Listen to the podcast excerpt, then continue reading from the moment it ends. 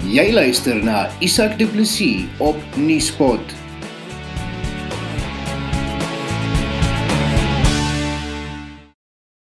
Goeiemôre, welkom by Nuusbril. Dis Nuuspot se weeklikse nuusbesprekingsprogram en my gaste vanoggend is uh Jody Hendriks. Hy is die redakteur van Just Jody Chat en dan praat ons ook met Christo van der Rede, bekende politieke kommentator ook van Agri SA.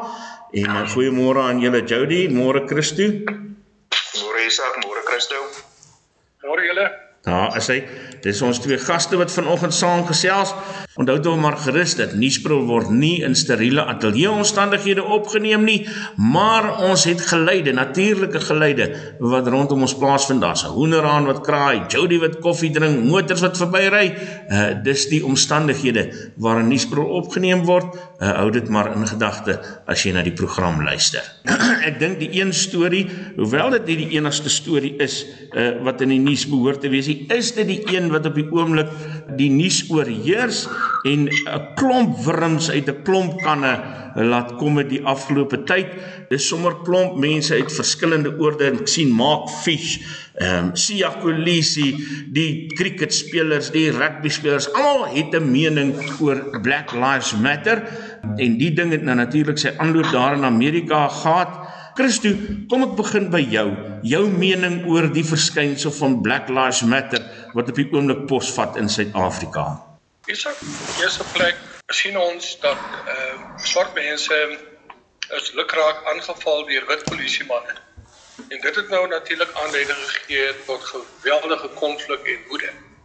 En eh uh, dit is teen daai konteks waar die Black Lives Matter beweging sy oorsprong gehad het. Uh, in Suid-Afrika dink ek is daar 'n behoefte by mense om ook die eeuelange diskriminasie, die eeuelange onderdrukking van swart mense op die wyse te belig. Uh so 'n mens kan nooit koud staan daarteenoor nie en 'n mens kan ook nooit ongevoelig staan daaroor nie. Al hierdie goed het 'n historiese konteks. Maar vir my gaan dit baie meer oor wat doen ons in Suid-Afrika as 'n gemeenskap, as 'n regering om toe te sien dat swart mense se lewens uh ingrypend verbeter word. Hierdie COVID pandemie het ongelooflike krake gewys in die samelewing. As mense net gaan kyk na die lewensomstandighede van swart mense in jou townships, as mense gaan kyk na die bende geweld op die Kaapse vlakte, as mense gaan kyk na die hoë werkloosheidsyfers veral binne jou swart gemeenskappe, dan sê dit vir jou hier is iets drasties fout in ons land. Want as ons werklik waar Black Lives Matter vooropgestel het sedert die aanvang van ons demokrasie, dan sou dinge in Suid-Afrika baie baie anders gelyk het. So ek sit iewat met 'n wroging in my hart. Aan die een kant, ja, ons moet Black Lives Matter vooropstel want ons sit met eeue eeue lange diskriminasie en eeue lange onderdrukking as gevolg van apartheidswetgewing en al die tipe van goedes. Daarvan kan ons nie wegkom. Maar wie moet nou verantwoordelikheid neem vir Black Lives Matter? Wie moet nou verantwoordelikheid neem vir die opheffing en vir die ontwikkeling van swart mense? Wit mense? Ag nee. Ons regering en ons as swart mense, nou gebruik ek die term swart generies. Ons moet meer verantwoordelikheid vat vir hierdie stand van sake op hierdie oomblik. So aan die een kant, ja, ons kan nie die uh verlede ontken nie en die impak daarvan op mense. Maar terselfdertyd kan ons ook nie die foute wat nou gemaak word in die hede en die impak daarvan op die toekoms kan ons ook nie onder die mat vee nie. En hiervoor moet ons almal verantwoordelikheid neem. Jody, uh Christo het nou verwys na uh dit wat uh, foute is in die land. Hy het gesê daar is probleme, daar's tekortkominge. Wat is dit wie, wie het wat verkeerd ten opsigte van Black Lives Matter in jou mening? Ek dink nie daar's reg of verkeerd nie, Isak, wat uh, om 'n startpunt in te neem oor 'n sekere sosiale kwessie is nie onwettig nie. Inteendeel, die grondwet sê die vryheid van sprake, vryheid van uitdrukking is is is welkom in die land en word aangemoedig. Vir my gaan die Black Lives Matter en die standpunt spesifiek wat Lungi en Giri ingeneem het want ek dink die Suid-Afrikaanse konteks is nie 'n bietjie heel wat anders as die situasie wat hom tans in Amerika uitspeel. En as ek uh, met mense praat in die beweging en ek, jy kry konteks van waar vandaan hulle kom, jy weet dan gaan dit oor goed so sosiale ongeregtigheid, gelyke kansse, ehm um, dieselfde betaling vir jy weet as jy dieselfde werk doen, maar as jy bruin of swart is, dan kry jy minder betaling as jou wit kollega. Dis daai tipe goed wat hulle wil hê aangespreek moet word. Rasisme wat nog 'n realiteit in Suid-Afrikaanse sport is. En ehm um, jy sal onthou met verlede jaar met die rugby wêreldbeker Isak die Stronger Together hashtag wat die Springbokke gehad het waar die span gesê het dat die span bymekaar gekom het en gesê het ons is een en as ons saamwerk dan kan ons meer bereik en kyk wat het hulle toe bereik en dit is graag wat ek in ander sportsoorte ook sal wil sien. En jy weet in 'n ideale wêreld sou elkeen hulle standpunt gegee het vir mekaar en die verstaan waar die ander een vandaan kom het moet ons al verstaan het hoekom Black Lives Matter vir Lungi en Gidi belangrik is en Lungi sou verstaan het hoekom All Lives Matter vir Boeta uh, belangrik is. Maar nou het ons gesien hoe dit in die media uitspeel en uh, soos jy gesê het verskeie groepe standpunt inneem en teen mekaar afgespeel word en ek dink dis regtig sad dat ons ons self op daai punt moet bevind wat ehm um, jy weet het gepraat van Sia Kolisi en Markfies wat almal geregtig is om standpunt in te neem oor 'n sekere kwessie of dit nou ehm um, HIV is of dit nou geslagsgebaseerde geweld is, Save the Rhino, Black Lives Matter, All Lives Matter, dit is nie verkeerd nie. Hulle in teendeel sportsterre en sportorganisasies moet aangemoedig word om standpunt in te neem oor sekere sosiale kwessies want hulle was vir lank te stil.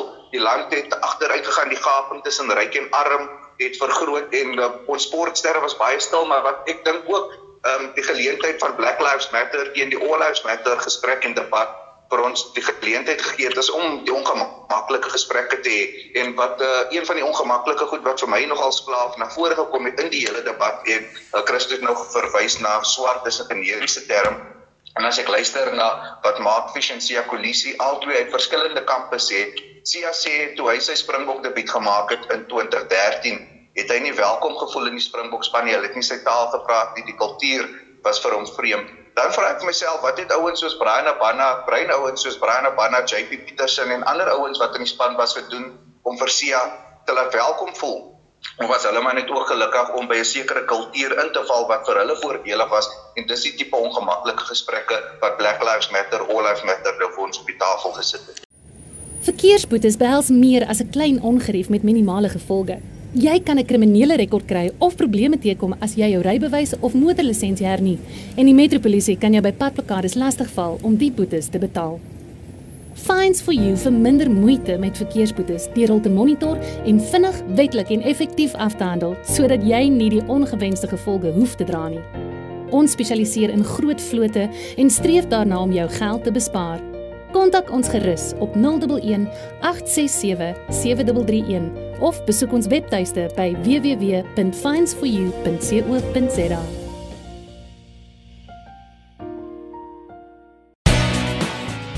Nuuspot, jou tuiste vir Afrikaanse stories agter die nuus. Waar verstaan die Boetas en die ander mense wat hom by Boeta skaar wat hulle by Boeta skaar die Black Lives Matter kwessie verkeer? Indien wel. Jody? Dit gaan oor lewens. As jy moet sê as daar nou twee mense staan 'n wit man en 'n swart man en een moet geskiet word jy sê skiet die wit man. Ek dink dis verkeerd. Dit dis, dis waar die, die die gesprek uitval. Natuurlik all lives matter wat ek hoe ek die black lives matter verstaan Ek dink ja, die debat moenie met mekaar verwar word. As iemand sê Black Lives Matter in 'n Suid-Afrikaanse konteks en dit gaan oor gelyke kansse, ehm um, diskriminasie, ehm um, al daai tipe goed, die jy weet, ehm um, ek dink dat ons kom van 'n geskiedenis waar mense van mekaar weggehou is waar sekere mense bevoordeel is en dit is nou goed wat aangespreek moet word. Dis 25 jaar later en uh, die rede hoekom ons die gesprek 25 26 jaar na ons demokrasie het is dat ek dink in die aan die beginjare was sport lei veral baie skiet om standpunt in te neem oor sekere kwessies en nou is dit die ideale geleentheid. Ek sien dat Cricket Suid-Afrika sê hulle gaan 'n beraad hou oor om diskriminasie en rasisme in die sport aan te spreek en uh, die kwessies wat uh, veral swart cricketspelers na vore bring aandag aan te gee want dit het nie in die verlede gebeur nie. So hulle erken dat daar iets verkeerd was en ek dink dis 'n stap in die regte rigting. Ek dink aan ander sportsoorte behoort dit ook aan te voel en ek dink wat belangrik is um Isak in die hele gesprek is dat mense moenie voel dat as jy 'n sekere standpunt inneem jy's verkeerd nie. Mense moenie kwaad wees vir François Pinaar en Fab du Plessis en vir Rassie van der Dussen en Graham Smith as hulle sê ek ondersteun vir Black Lives Matter. Die mense is vry om te ondersteun vir wie en wat hulle wil. Ons het dit in die verlede gesien met Mark Boucher wat 'n groot voorstander was van the Save the Rhino. Niemand het toe gesê ander diere moet ook saak maak nie. So ek dink dit is nou die ideale tyd vir die ongemaklike gesprekke vir die kwessies van veral die swart lede in 'n cricketspan in ons gemeenskap in ons land om na vore te kom en verander om net te luister en te hoor maar dit is wat vir ons eintlik plaas dit is wat ons ongelukkig maak en dan as ons mekaar verstaan dan kan ons 'n uh, milieu skep isa waar almal welkom voel waar en eintlik almal se lewens gaan saak maak Ehm uh, Christo, jou opinie oor wie uh, wie verstaan mekaar mis in hierdie proses of wat verstaan mense mis in die hele kwessie? Eers uh iemand mis oor die all lives matter uh konsep en die black lives matter konsep met mekaar vermeng nie.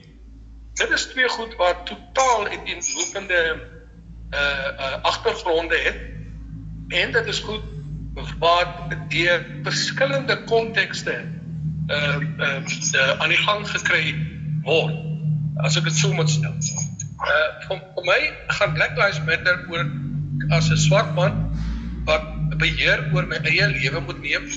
Ek moet my eie toekoms begin rig. Ek moet uh my uh verantwoordelikheid teenoor my swart landsgenote nakom en ja, ek moet ten alle tye seker maak dat ons hierdie sosiale ongeregtighede en die diskriminasie wat nog in ons land is, uh aanspreek.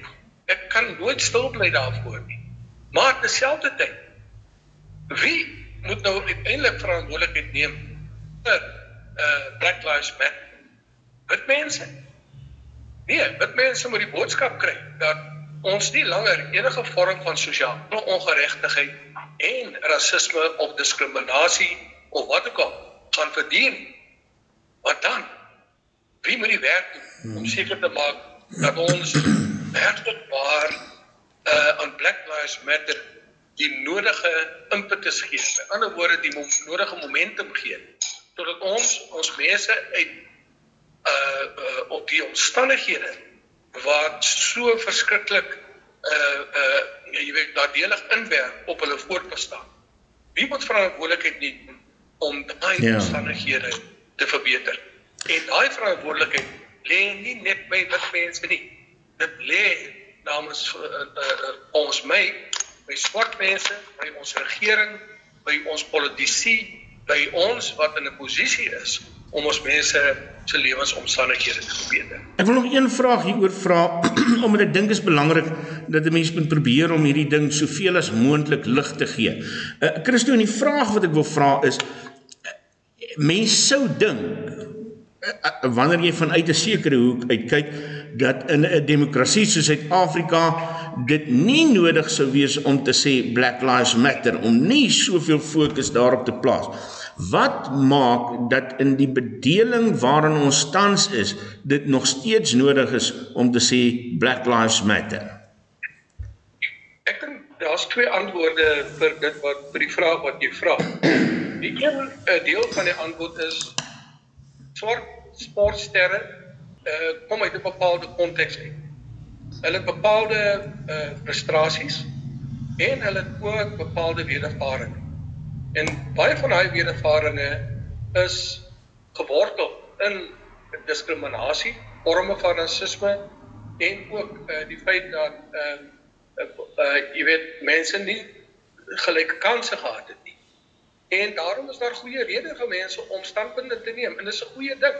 Ons moet dit nie vir hulle ontseen en ek dink nie uh mense wat met hierdie argument kom van all lives matter moet eers betrokke raak by hierdie gesprek nie dit is 'n swart gesprek en uh as ek wat ek daarmee bedoel is swart mense het die reg om daai standpunt te huldig. Maar die tweede deel van die antwoord is wat maak ons dan nou? As ek nou daai standpunt gestel, uh wat wat, wat stel ek nou vir myself in die vooruitsig?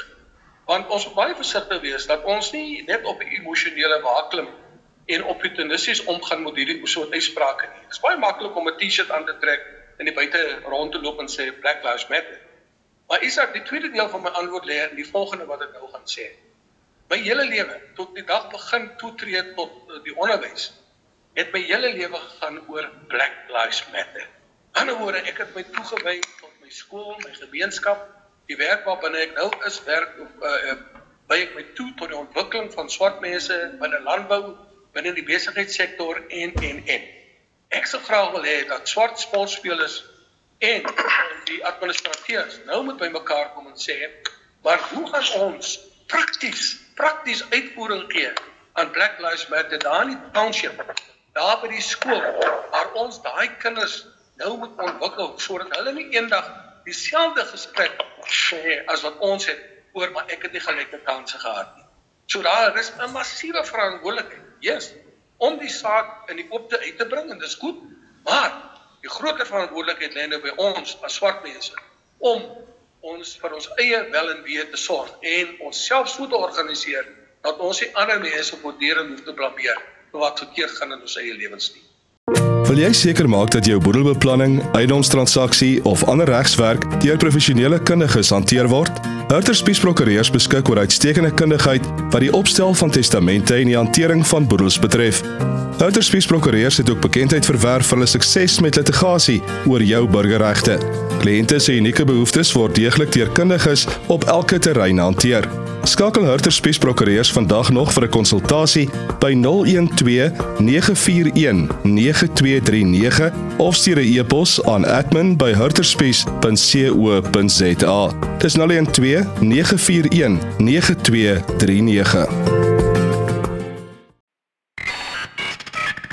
Jy luister na Nuuspot met Isak Du Plessis.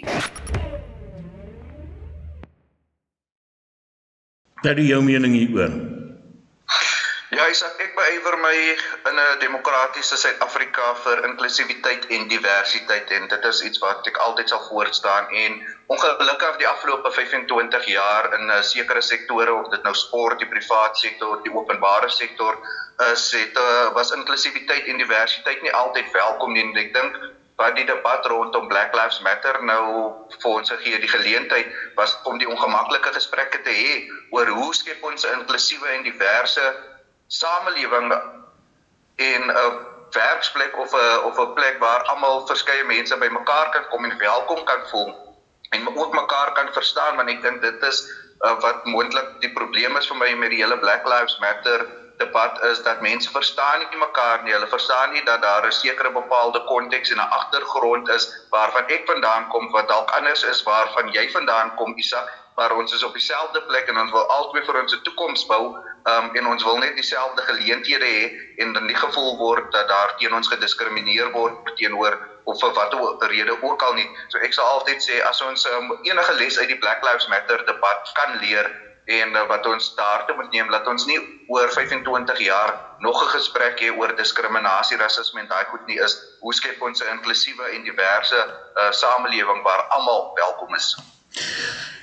Een van die kwessies wat uh, hiermee vermeng geraak het en wat uh, ook uh, min of meer in dieselfde tyd weer aandag begin kry het uh, na die inperking is die van plaasaanvalle. Boeta uh, Dippenaar is een van die mense wat uh, gesê het maar wat van plaasaanvalle? En baie mense op Facebook sê maar wat van plaasaanvalle? Uh, en is inderdaad so dat plaasaanvalle die laaste tyd verskriklik wreed en daar 'n toename is daarin. Uh hoort hierdie kwessie by die gesprek Christo van der Rede? Nee glad nie. Nee glad nie. Ek ek dink dit is baie opportunisties van mense om hierdie gesprekke te vermeng want die ehm um, uh agtergrond, die konteks en ons al oor uh, baie wyd uitgebrei verskil heeltemal. Swartmoorde en uh, plaasmoorde, jammer. Plaasmoorde is 'n um, ehm, aangeleentheid wat uh, ons as landboustrukture opneem met die regering. Uh dit word belig deur burgerregte organisasies. Uh daar is in die verlede optogte gehou en hierdie saak word word voortdurend aan die groot klop opgehang. Ehm uh, en dit is verskriklik traumaties. En vir my is dit verskriklik uh, hartseer dat mense plaasmoorde op hierdie manier uh belig. Ehm um, en en en en dit gaan glad nie goed af by die breër publiek daar buitekant. Black Lives Matter vir my is is is 'n is 'n sielkundige konsep. Is 'n konsep wat diep in die uh uh, uh DNA van mense se sielkunde ehm um, uh, vasgelê is en uh, ons het mede verantwoordelikheid om al daai trauma wat mense ervaar, daai sielkundige worstelinge waarmee ons elke dag worstel om dit te bowe te kom. En Black Lives Matter is die tuiste daarvan. Plaasmoorde is brutale aanvalle. Dis moorde op mense. Dis blakkante kriminaliteit. En jy kan nie die twee goed met mekaar doen want Dit het 'n eie soortige karakter. Dit het 'n eie soortige benadering en meer nog. Dit is absoluut 'n uh, skande dat binne 'n nasionale demokrasie en ons gee hoog op dat ons 'n demokratiese regering het, dat 'n regering nie sy eie mense kan beskerm nie. Plaasmoorde, die moorde op die Kaapse vlakte deur bendelede, dit is 'n totaal ander gesprek. En wanneer jy dit so goed begin vermeng, dan gaan ons nie noodwendig by die uitkomste uitkom wat ons in die vooruitsig self vir beide van hierdie gesprekke nie. Want die uitkomste wat ons soek is heeltemal verskillend. Aan die een kant moet jy kriminaliteit, uh, brutale moorde en die veiligheid van mense beseker. Aan die ander kant moet jy seker maak dat jy die onregte van die verlede, die diskriminasie en daai tipe van goeders begin aanspreek. So die uitkomste is verskil. Waarom die twee goed vermeng gaan my verstande bo. Jody, Isak, ons het soveel probleme in die land, uh, plaasaanvalle, ehm um, geslagsgebaseerde geweld, ehm um, moorde en bendes op die Kaapse vlakte dat ek dink ons moenie die gesprekke met mekaar vermeng nie. Plaasaanvalle is 'n gesprek wat uh, sy eie aandag benodig en uh, sy eie oplossing benodig. En ehm um, ek was nooit bekend met plaasaanvalle en die modus operandi daar agter nie.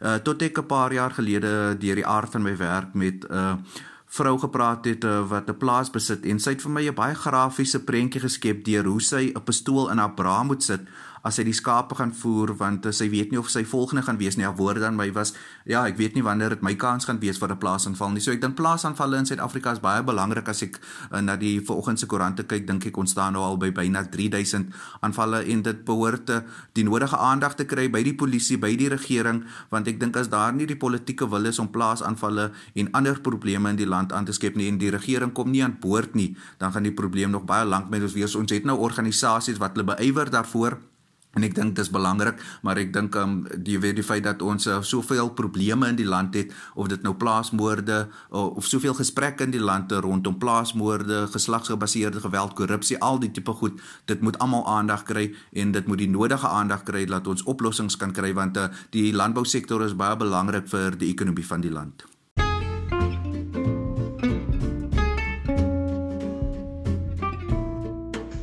Andre De Plooy is 'n spesialis in finansiële oplossings. Of dit nou korttermynversekering, lewensdekking, beleggings, aftreebeplanning, belasting of boekhouding is, jy kan jou finansiële sake met 'n gerusde hart in die geregistreerde rekenmeester se hande laat. Skakel hom vandag nog by 082 322 7873.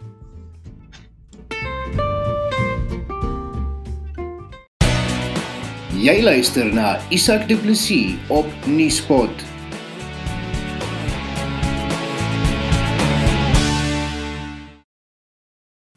Kom ons gaan aan na die volgende kwessie toe. Dit gaan oor die Zondo-kommissie, maar ek wil dit bespreek teen die agtergrond van die regering eh, se pogings om korrupsie te bekamp. Ehm um, pogings hoe suksesvol dis sal mense nou nie kan sê nie maar daar is baie kritiek teen president Cyril Ramaphosa op die oomblik. Hy sê baie oor korrupsie eh, maar dis asof daar niks gebeur nie. Christo jou mening hieroor? Ek was absoluut geskok toe vanoggend die uh, boodskap lees van of die artikel lees van uh, die swart besigheidsorganisasie uh, waar hulle leierskap uh, hierdie tipe van hulle noem dit daar nie meer tenderpreneurs nie, maar hulle noem hulle COVIDpreneurs. Uh hulle baie baie st uh, sterk uitspreek teen hierdie tendens. Uh, waar dit gaan eindig, dit weet ek nie, maar dit is absoluut absoluut vergaande dat uh, mense so laag sal daal om hulle skuldig te maak aan hierdie tipe van wanpraktyke. Die diefstal van uh, geld wat uh, na die armste van die armste moet gaan uh deur mense wat uh in uh, leierskapposisies is of mense wat in uh hoë posisies is, is daarom verre binne gaan. Uh so die president het 'n klomp maatreëls afgekondig. Uh maar ek vra my altyd self af wat is verskil uh, of watter verskil gaan hierdie uh, maatreëls maak want die president het die afgelope uh 2 jaar uh onder sy leierskap is daar baie min gedoen om hierdie mense vas te vat beskuldig as in die van praktyke. Uh en die uh, hartseer ding uh Isak is dat uh, gedurende die sondekommissie uh het uh, Bob Komolef die voorsitter van Transnet die ding sommer weer sy naam genoem. Hy het gesê maar die president en uh uh die die het het geweet van hierdie tipe van goeders. Die baie van die ANC se top 6 het geweet van hierdie diefstal wat plaasvind in die hoë vlak, vlakke van korrupsie. Maar hulle het niks daaraan gedoen nie. En dis die probleem. Uh mense word nie verantwoordelik gehou vir hierdie misdade. En jy kan watse nuwe instellings bymekaar sit of mense bymekaar bring om dit te beveg. As mense nie tronk toe gestuur word, mense word nie bestraf en uh die bates wat hulle onwettig bekom het, word nie van hulle weggeneem en weer teruggegee na die staat nie. Dan kan ons praat tot ons blou is in die gesig. Korrupsie gaan net verdere momentum kry en uh, polities gaan dit die ANC duur duur te staan kom. Iets van die radeloosheid van hierdie situasie het die week in die Sondekommissie na vore gekom toe ehm uh, regter Zondo eh, 'n uh, regter aangesê het om te kom getuig en uh, een van die woorde wat hy gebruik het is om te sê maar wag so bietjie jy kan nie vir ons voorskryf uh, wanneer jy wil kom getuig nie hierdie kommissie moet sy werk afhandel. Uh, maar maar mense sê dit lyk nie of of die werk ooit afgehandel gaan word nie. Wat is jou mening daaroor, Christo? Kyk, die die sondekommissie het nie 'n onbeperkte begroting. Uh en uh die staatsel moet 'n besluit maak. Tesorie sal moet 'n besluit maak vir hoe lank hulle hierdie sondekommissie gaan finansier. Want al die begrotings van al ons staatsdepartemente is besnoei. Neem maar nou byvoorbeeld die departement van landbou se begroting is met 2 miljard rand besnoei en daai gelde is nou gekanaliseer na uh, hospitale en sovoorts. Dit is selfs met die departement van toerisme. So al ons departemente wat verantwoordelik is vir ekonomiese groei, uh se begrotings is besnoei en die geld is nog gekanaliseer na uh uh, uh welsynsintervensies toe, hospitaaldienste en so voort wat belangrik is op hierdie oomblik. So my vraag is net jy weet, gaan ons toelaat dat hierdie sondekommissie meer en meer geld opsluit terwyl ander departemente gevra word om opofferings te maak. Die feit van die saak is ons kan hierdie kommissies hê tot vir die volgende eeu, maar as ons nie daadwerklike stappe in plek gaan sit om die skuldiges vas te trek en hulle te veroordeel, uh, dan uh, is dit werklik maar net 'n vermorsing van geld. Dit moet ons nie net by die stadium. Jody, dink jy die land baat enigsins by die sondekommissie? Ja, ehm um, ek sê dit het 'n baie duur storie geword om korrupsie oop te vlek en soos um, ons nou al gewoond raak het dit wat bank en die Suid-Afrikaanse burgers raak ongeduldig en hulle wil mense in uh, oorbakke sien in die tronk. En dit het nou nie die afgelope tyd gebeur nie en ehm um, vroeër die week uh, was daar 'n webinar gewees by die Universiteit van Johannesburg. Ehm um, met die onderwerp bestaan die politieke wil om korrupsie teen te staan? En ek dink dit is die vraag wat ons vir onsself moet vra bestaan die politieke wil en as jy vir my moet vra dan sal ek sê nee. Dan sou ons al lankal aksie gesien het teen skuldiges wat. En ons moet ook onthou dat korrupsie het nie net in die Zuma tydperk gebeur nie. Dit kom al van die Thabo Mbeki tydperk af. Jy weet as ons dieper gaan kyk kan ons self vra vra oor Madiba se tydperk ek uh, het nou die dag vir iemand gesê jy weet ek ek mis die dae wat eh, 'n uh, minister 'n motor onreëlmatig gekoop het wat 'n miljoen rand gekos het en dit was 'n skandaal en was vir 2, 3 weke op die voorblad. Nou is dit miljarde waarvan ons praat en ek moet ook op die tafel sit en ek dink in enige land in die wêreld is daar korrupsie. Wat ons in Suid-Afrika moet doen is ons moet dit afbring. Ons moet dit so min as moontlik maak. Um, ek dink jy sal ooit korrupsie kan stop nie. As korrupsie byvoorbeeld 100 miljard is, bring dit af na 30 miljoen toe, na 30 miljard toe. Dan is daar 70 miljard wat vir dienslewering gaan en dis die aksie wat ek wil sien en die wat skuldig is uh, wat hulle skuldig maak aan korrupsie moet vasgevat word en hulle moet hulle dag in die hof kry. Dit vat ganske lank byvoorbeeld om vir die Guptas van oorsee af te kry om vir president Zuma op watter klagtes hy ook al in die hof verskyn om uiteindelik uitsluitsel daarvoor te kry en ek dink 'n groot rede is omdat ons instellings lam gelees en 'n politieke speelbal geword het. Um die regstelsel vat te lank en dit maak uh, uh, landsburgers mismoedig oor die hele korrupsiesage en um jy weet dit, dit gaan nie net oor staatskaping nie. Niemand het geweet van byvoorbeeld die Bosasa um, skandaal nie. So ek dink dat die korrupsie in Suid-Afrika te groot geword. Die politieke wil ontstaan, ons instellings is lam gelê en nou sit ons belastingbetalers, landsburgers mismoedig want as jy dit voel vir ons die skuldiges kom weg en as jy 'n vletjie blaaser is, dan word jy die slagoffer. Korrupsie is 'n groot probleem in Suid-Afrika wat dringende aandag moet kry van die president af tot uh, die landsburgers. As die staat ons uitskop, is dit tyd vir die gemeenskap om in te skop. Dit is nou tyd vir help mekaar. Ons mense kry swaar, salarisse word nie betaal nie, kinders moet gehelp word met skoolwerk, mense wat nog nooit kosnood gehad het nie, moet nou vra. Die solidariteit beweging krisisfonds is uit die gemeenskap vir die gemeenskap gestig. Meer as 15 miljoen rand is al ingesamel. In die krisis sien ons genade in die wonderlike harte van mense, maar die nood word groter. Gewone mense wat bietjies gee om ander te help. Die Solidariteit Beweging Krisisfonds help mense in nood oor 'n krisis berig na 'n nuwe normaal. Al wat nodig is, is mekaar. Gee saam met duisende ander jou deel by www.krisisfonds.co.za. Kom ons bil die gemeenskap se spiere. As die regering nie wil help nie, help ons mekaar. www.krisisfonds.co.za. Adverteer nou op Nuuspot. Besoek nuuspot.co.za vir bekostigbare advertensietariewe. Die vraag is hoe en ek het dit uh, dis nou kom al nou al jare Christo ek het um, een keer 'n uh, reeks vanuit Brasilië gekyk the mechanism het noem hulle dit in Engels en as 'n mens nou Brasilië vergelyk met Suid-Afrika wat korrupsie vlakke aanbetref en dink ek wen hulle daarom vir Suid-Afrika maar as 'n mens kyk in Brasilië en in ander lande wat soortgelyke verskynsels het hoe diep liggend korrupsie lê. Hoe maak mens dan met korrupsie? Is daar 'n kans om dit te verminder in 'n samelewing soos ons in soos wat hy tans daar uitsien? Kyk, is daar korrupsie in staatsgeleedere? Is mos nou nie iets wat ons vir die eerste keer uh, ervaar in die wêreld se geskiedenis.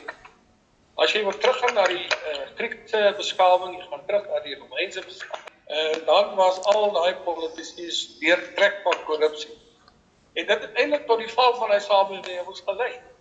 Suid-Afrika is geen uitsondering nie. Ons sien dieselfde gebeur in Rusland, dit gebeur in alle lande wat na die val van Sowjet uh, uh, Rusland die kommunisme uh, en met die uh, jy weet die die nuwe regering wat hulle daar tot stand gebring het, het korrupsie deur die dak gegaan. Ons sien dit in Mexiko, ons sien in Brasilië oral.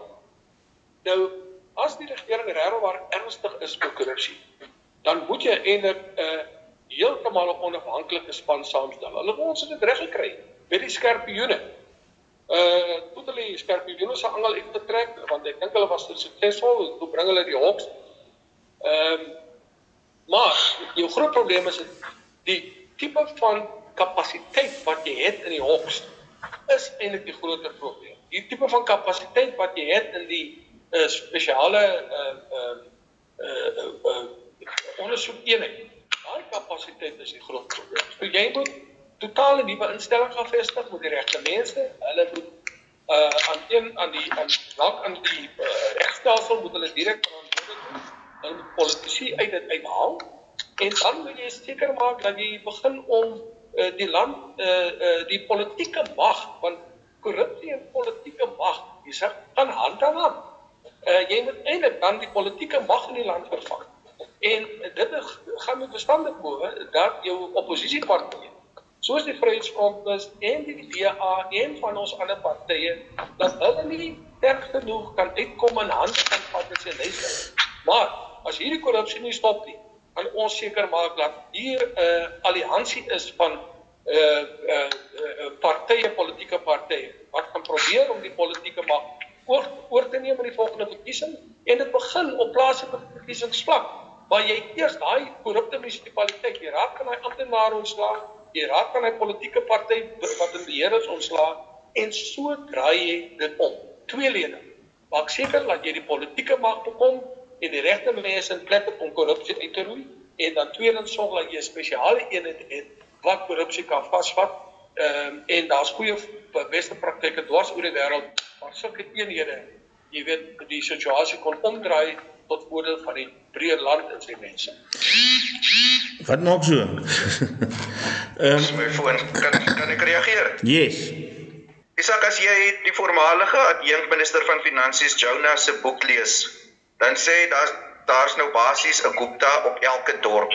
Iemand in die gemeenskap wat ehm um, tenders, onreëlmatige tenders en toegang tot geld kry en ehm um, daar was soveel fokus nou met staatskaping ehm um, op nasionale vlak op wat by Eskom en al die tipe blikke gebeur het by korrektiewe dienste dat ehm um, ons vergeet dat daar verskeie ander vlakke van regering wat dit ook aangespreek moet word. As jy ook in ag neem, ek dink sedert 2011 is daar meer as 300 plaaslike regeringsamptenare vermoor in Suid-Afrika en dit gaan omdat op plaaslike vlak toegang tot die geld, toegang tot hulpbronne so belangrik vir mense geword het dat hulle bereid is om moord te pleeg net en om hulle self en hulle vriende te verryk.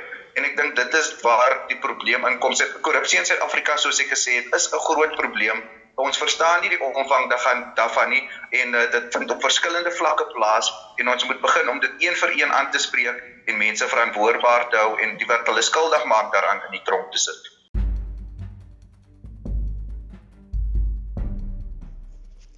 Daar volg gewoonlik 'n maatskaplike krisis op 'n ekonomiese krisis. Die gemeenskap moet daarom seker maak dat alles in plek is om mekaar te kan help in tye van nood. Helpende Hand as maatskaplike organisasie fokus veral op die verligting, verbreeking en die voorkoming van Afrikaner armoede. Om 'n toeganklike en 'n maklike bydrae te kan maak vir enige iemand wat in staat is om te kan help, het Helpende Hand se Houers vol Hoop projek bekend gestel. Elke houer bevat R350 se nie bederfbare goedere wat vir gesinne in nood uitgedeel word. Helpende Hand glo in beginsel daaraan om reg te gee. Ons kyk mooi wat die gesin nodig het en bereken dit reg om te sien wat vir hulle kan deurtrek deur 'n moeilike tyd. Om 'n houer vol hoop te gee aan 'n behoeftige gesin, besoek gerus www.houersvolhoop.co.za of stuur 'n e-pos aan diens@helpenhand.co.za. Wie is jy die houer vol hoop vir iemand wat honger gaan slaap elke aand?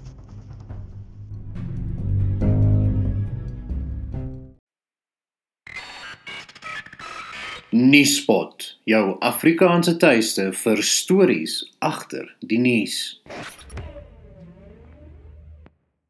Kom ons gee 'n laaste opmerking oor uh die skole wat gesluit het uh, of wat van môre af gesluit is vir 'n maand. Dit het baie mense ontstel, maar ek wil nie spesifiek daaroor gesels nie.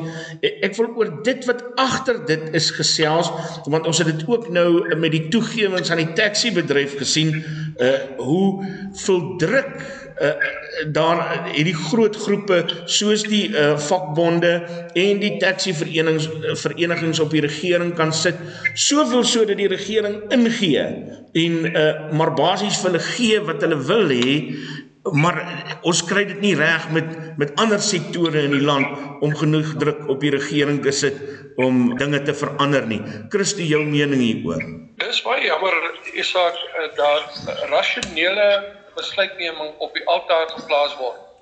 Uh ten einde politieke uh munt daar uit te slaan. Onthou dis verkiesing, plaaslike verkiesing volgende jaar. Ehm uh, en uh ek dink die regering is dit bewus daarvan dat hulle al hierdie belangegroepe aan hulle kant moet hê. Taxi bedryf as ook die onderwysunies en al die ander werkersunies want dis uh groepe met uh uh weet baie groot ondersteuningsbasis. En uh, ek dink uh, die regering is bang dat uh enige besluit wat dalk nie ten gunste van die groepe is die hulle deur te staan kan kom die kiesing.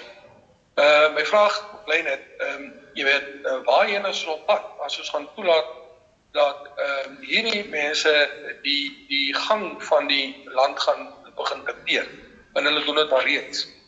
My groot groot bekommernis Isak is ons sit met 'n 700 miljard uh begrotingstekort. Uh ons sit met 'n uh, moontlike 300 miljard rand wat ons gaan misloop in terme van belastinginvordering. Ons sit met 'n uh, ekonomiese groei van minus minus 7%. Ons sit met werkloosheid wat amptelik nou al oor die 31% staan en uh, mondelik hulle sê die die nie amptelike syfers staan amper by 50 tot 60%. Dis skrikwekkend.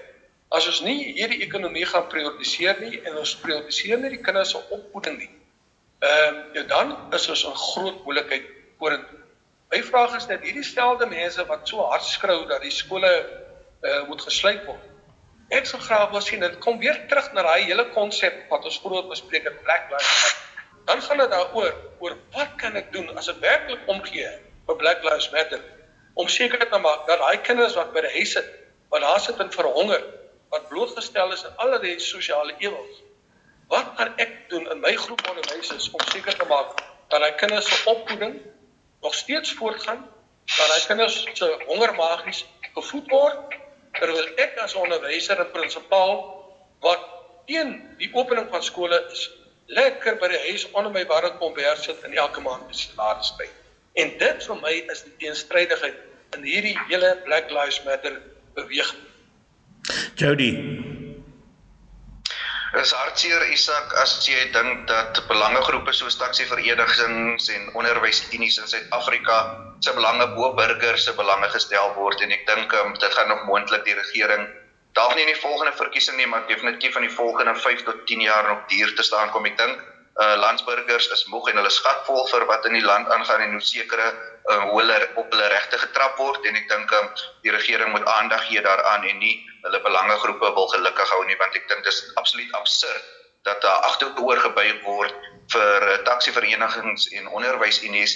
En as jy kyk na die vreedsame protes wat die restaurantbedryf vroeër die week um gedoen het en hoe hulle hardhandig deur die polisie hanteer is dan dan dan laat dit my baie vrae ontstaan oor waar uh, die regering se prioriteite nou eintlik is. Ek wil net um, ook praat oor die sluiting van skole en ek dink uh, die feit dat openbare skole gesluit is uh, was moontlik. As jy kyk waar ons is in die piek van uh, die koronavirus, was dit moontlik die regte besluit. Maar ek dink uh, ook dat uh, privaat skole moet gesluit word. Hulle gaan oop bly.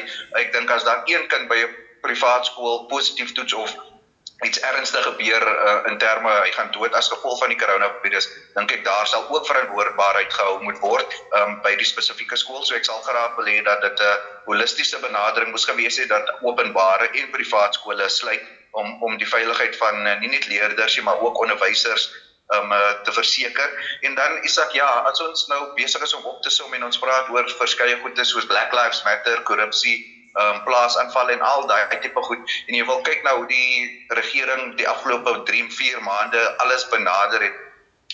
Dan moet jy vir jouself afvra, is dit werklik 'n suksesvolle benadering as jy meer mense met kriminele rekord het, om 'n rekord het of mense in die tronk het wat nie maskers gedra het nie of wat uh, nie reëls nagekom het as gevolg van die COVID-19 eh, pandemie nie reëls en regulasies wat in 6 maande gelede totaal en al normaal was wat jy goed kon gedoen het wat ewe skielik onwettig geword het, maar jy het nog niemand in die tronk vir staatskaping of korrupsie nie. Dan moet jy jouself vra waar is die prioriteite in die land? Dis die stem van Jody Hendriks, redakteur van Just uh, Jody Chats en 'n uh, joernalis, asook Christo van der Rede van Agri SA en ook bekende politieke kommentator wat aan Nuusbril deelgeneem het.